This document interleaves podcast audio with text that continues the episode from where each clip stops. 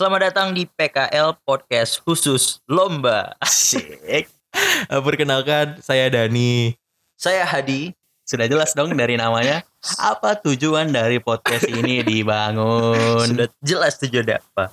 Tapi sebenarnya kita awalnya namanya mau PKB bang. PKB apa? Podcast kakak beradik. Terus kenapa nggak jadi? Karena kita segan sama Muhaimin Iskandar. Dan biar gak ada afiliasi politik juga. Oh iya, bagus. Bagus. Pak Muhaimin Iskandar, respect, respect. Jadi kita PKL aja. PKL. Tapi PKL podcast khusus lomba juga bagus. Meng- Bagus. menggambarkan kesiapan kita setiap saat untuk mengikuti lomba. Begitu. Ya kan? ya, siap Karena nggak? siap dong. Berarti udah nyiapin yel-yel dong. Oh karena lomba biasanya ada yel. Lomba ada yel ya? Kita siap. Yel yel Siap, bisa. Siap. Bisa. Bisa. Satu, dua, tiga. Kami datang ke sini Datang ke sini. untuk 10 jeti. Ah, jadi eh, ini lomba pertama kita, lomba dari mana? lomba dari Kominfo, lomba konten podcast hashtag cerita kemerdekaan. Asik. Jadi cerita kemerdekaan ini eh, mengangkat tentang eh, pengalaman dan pandangan kita seputar berkarya, kemandirian, terus juga inovasi yang kita alami selama pandemi COVID-19 ini. Nah, untuk eh, ini kita sudah menyiapkan apa nih? Sudah menyiapkan theme song. Kita total. Total. Ini tolong diperhatiin ya Dewan Juri ya. Kita ada yel, yel ada theme song bikin sendiri. Ya, eh, oke kalau gitu kita akan masuk eh, ke konten lombanya setelah theme song berikut ini. PKL ya PKL ya PKL podcast khusus lomba Podcast khusus lomba. Nah, belum lama ini kita kan merayakan hari kemerdekaan kita nih. Abang Ya. tuh ngerasa nggak sih kalau hari ke hari itu Bro, sebutin dulu dong selamat ulang tahun. Oh iya. Anda kelihatan sekali merayakan kemerdekaan hanya untuk lomba, Bro. Tolong disebutkan. Selamat ulang tahun Indonesia yang ke-75. Logonya bagus. Sangat mengundang perdamaian. Nasionalis religius. ya, lanjut. Poinnya apa? Gini gini.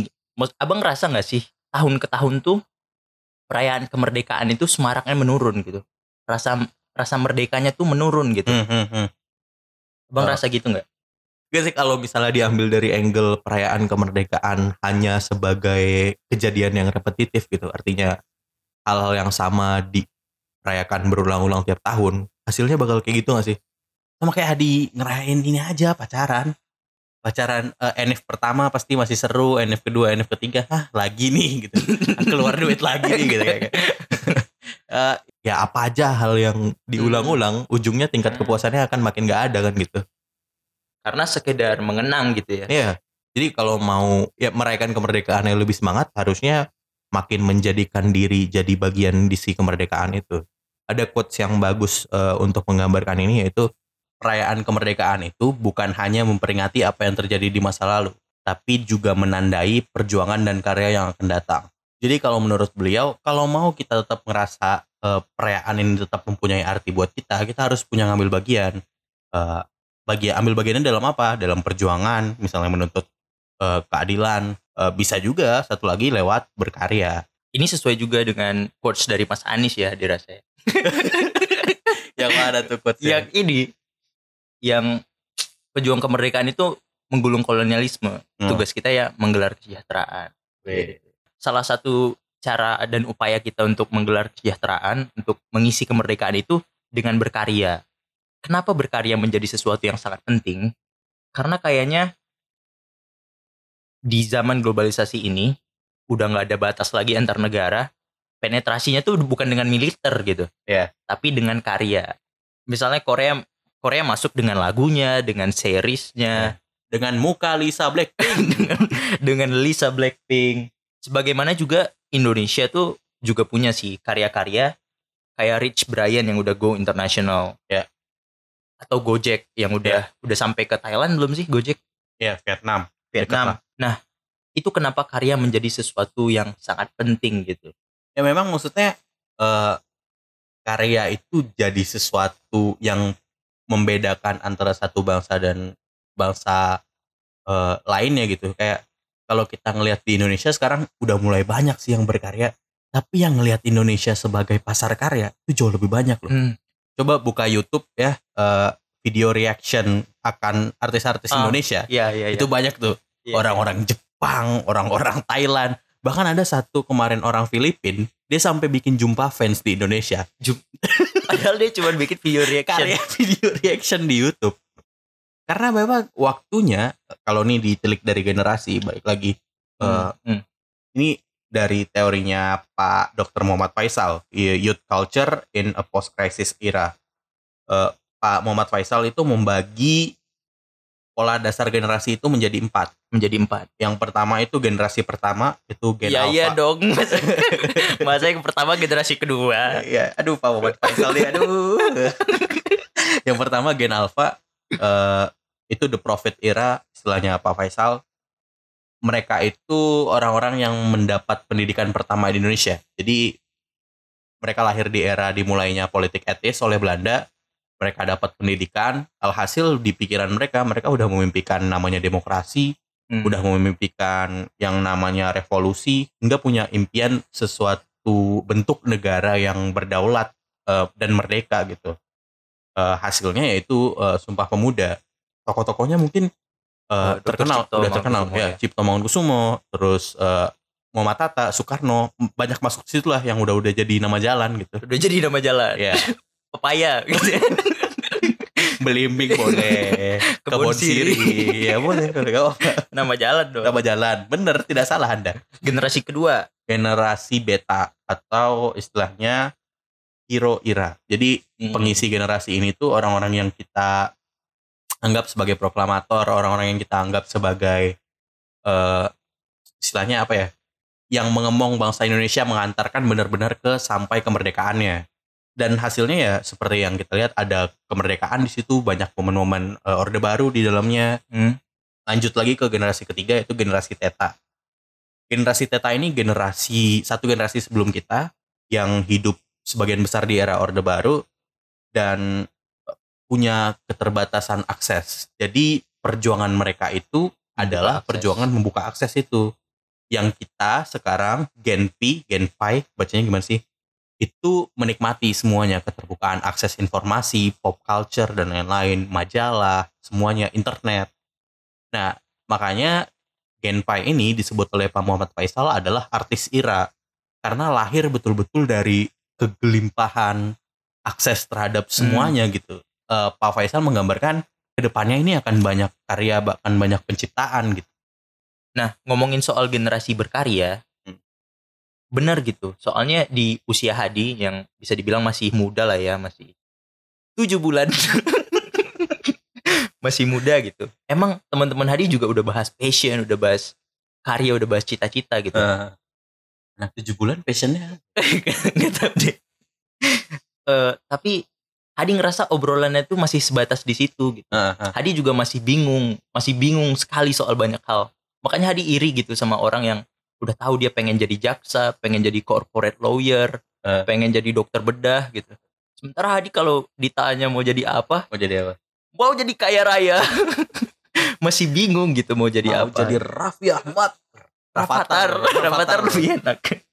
Tapi kan itu wajar karena itu bagian proses dalam hidup kan. Ya. Dan passion itu emang sulit didefinisikan, sulit ditemukan. Ya. Mas Mas Rene itu cerita dalam bukunya kalau dia itu ketemu passionnya 9 tahun setelah tamat dari SMA. Ya. 9 tahun itu waktu yang gak sebentar gitu. Hmm. Dan definisiin passion itu juga susah karena beliau bilang passion is not about what we are good at. It's what we enjoy the most. Ya. Makanya banyak orang bilang kayaknya passion gue rebahan deh gitu. Mungkin kalau kita bahas passion, pekerjaan, apalagi tujuan hidup butuh satu episode khusus ya. Ya. Mungkin akan kita persempit bahasannya ke passion dan berkarya. Menurut Abang gimana korelasi antar keduanya? Eh, pertama koreksi dari Mas Rene juga belakangan ini 2018 mulai ngubah tuh narasinya. Mas Rene datang dengan iya temukan passion lo, passion itu penting dan lain-lain kan. Hmm. Sekarang belakangan Mas Rene narasinya udah kayak orang-orang nggak peduli sama passion kita. Kenapa? Karena passion itu nggak bisa dilihat berdiri sendiri. Contohnya misalnya ada siapa ya anggapannya? Eh, Dian Sastrowardoyo, seorang produser film yang sangat cinta dengan Indonesia. Hmm. Kita tahu dari mana Dian Sastro cinta akan film Indonesia karena karya-karyanya selama ini menelurkan eh, sesuatu yang membawa ke Indonesiaan gitu. Tanpa karya-karyanya itu kita bisa dapat ngelihat dari mana dia cinta akan film Indonesia. Hmm. Nggak bisa. Hmm. Yang kedua, passion ya bener sih passion itu susah banget ditemuin. Kalau mau contoh lebih ekstrim itu misalnya Colonel Sanders yang bikin KFC. Hmm. Berapa belas tahun setelah dia pensiun dari militer, dia baru ketemu resepnya, baru dia enjoy masak dan passionnya itu bisa Hmm. menjadi karya gitu. Hmm. Tapi kalau dibalik lagi pertanyaannya, apakah karya itu harus berlandaskan dengan passion? Jawabannya justru enggak gitu. Ada contoh lain misalnya Pak Budiono. Pak Budiono kita tahu excel banget lah di bidang ekonomi. Hmm. Tapi kalau ditanya, Bapak passionnya ekonomi ya Pak? Enggak juga, Pak Budiono ngomong. Tapi karena beliau tekun ngakunya menjalaninya, beliau bisa excel di karya-karyanya sampai jadi wapres, sampai jadi gubernur BI. Jadi karya nggak harus melulu pangkalnya passion gitu.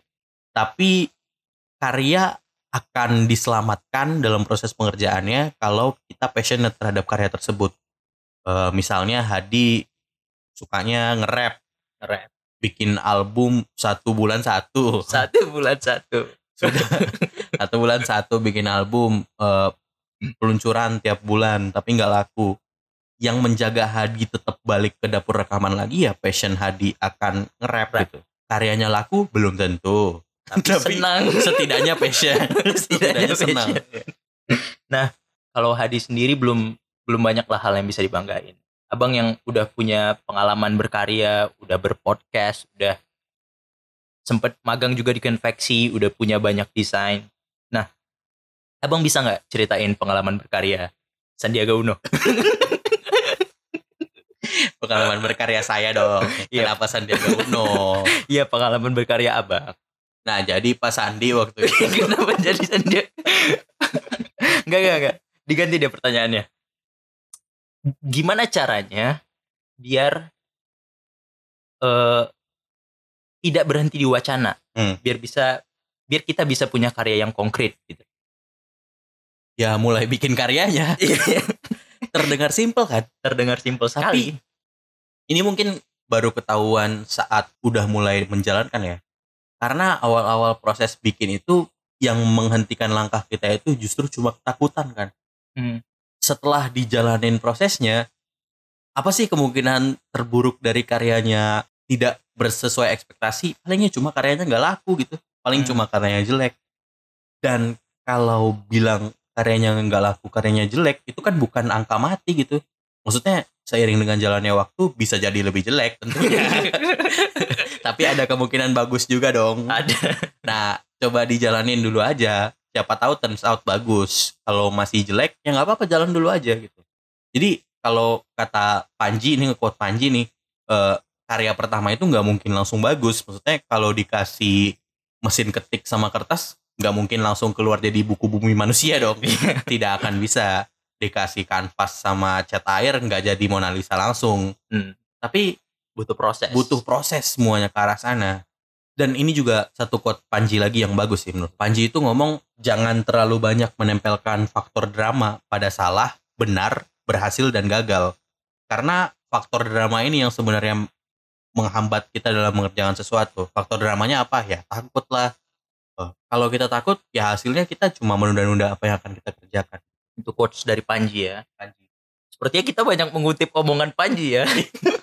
Karena emang kalau kita googling bang, Iya. berkarya gitu. Ah. Tiga tokoh yang muncul itu ya Panji Pragiwaksono, Ah, Raditya Dika, kalau enggak Tobi Soeharto. Wah, keras nih podcast nih, keras. Nah, tapi kita dalam situasi yang cukup menyedihkan nih. Hmm. Lagi dalam situasi pandemi COVID-19. Ya. Di Jakarta masih PSBB transmisi. Salah bro. PSBB transfusi. masih PSBB transisi. ya. Eh, beberapa daerah udah nggak PSBB. Hmm. Udah memberlakukan new normal. Pokoknya untuk berkarya ada hambatan lah gitu. Menurut Hmm. Abang apa dampaknya? Apakah ini menghambat kita dalam berkarya atau justru akan ada inovasi-inovasi setelahnya? Kalau ngomongin inovasi, inovasi itu kan sebenarnya gimana cara kita ngatasi satu rintangan, satu halangan gitu. Eh, termasuk tadi ngatasin eh, masalah-masalah awal dalam berkarya. Nah, si eh, COVID-19 ini ya salah satu bagian dari hal yang harus ditemukan inovasinya apa aja gitu. Hmm. Eh, jadi kalau dibilang menghambat, tentu menghambat. Tapi selama otak kita fokus untuk menemukan inovasi, tentu kayaknya cuma jadi eh, satu batu kerikil di antara di depan ladang ranjau aja gitu. Tadi abang bilang inovasi itu soal mengatasi hambatan. Ya. Kira-kira hambatan apa yang dihalami oleh seseorang dalam hidupnya Ya. sehingga dia berinovasi menciptakan dalgona kopi? Kira-kira hambatan apa yang dalam hidupnya? Iya, iya. Pertanyaan yang bagus. Pertanyaan yang bagus. Tapi ya tapi inovasi sekecil apa pun harus kita hargai lah. Hargai. Termasuk inovasi oleh Kominfo. Dengan Kominfo luar biasa. Kominfo Kementerian Terbaik. Dari 10 kementerian terbaik, 10-10-nya Kominfo semua. Bahkan sekarang bang, kalau Iya. anak-anak ditanya cita-citanya apa, bukan pilot, bukan dokter, Apa tuh? pegawai Kominfo. Pokoknya Kominfo memang kementerian terbaik. Kominfo. Tapi ini kan kita ngobrol ngalor ngidul, eh, muter-muter soal karya, terus tadi juga nyinggung inovasi. Kalau ditarik satu poin, eh, satu benang merah, apa sih inti dari percakapan ini? Hadir rasa ya jangan takut berkarya, mulai aja dulu berkarya, sekecil apa pun karyanya di bidang apa pun karyanya, ya pokoknya berkarya gitu. Karena maksudnya es kepal Milo aja karya kan. maksudnya es kepal Milo tuh dari Malaysia kan? Ya. Malaysia nggak sih? Ah. Seremeh es kepal Milo dari Malaysia bisa masuk ke Indonesia, bisa viral. Ya. Itu karya. Ya. Ya kita berkarya lah, bikinlah Apa? es kepal Denko oke. es kepal apa kayak gitu minuman yang Iya, iya, Indonesia iya. banget. Eh, eh. Pokoknya berkarya. Kita rayakan kemerdekaan ini dengan berkarya. Tutup dong. Tutup ditutup. Ada ada satu satu ini first dari lagunya Panji. Nggak banyak yang tahu karena lagu-lagunya tidak laku. Iya. Judulnya menoleh. Kalimatnya gini. Wahai pemuda, betapa gagah dan cantiknya, tapi di balik keindahannya tersimpan keraguan untuk berkarya. Takut gagal katanya. Untuk apa merdeka? Untuk apa nyawa mereka? Pejuang kita, pahlawan kita. Kalau anak cucunya terkukung oleh pikiran mereka. Betapa malunya. Saya Najwa malam. Terima kasih, terima kasih. Sampai jumpa di lomba-lomba berikutnya.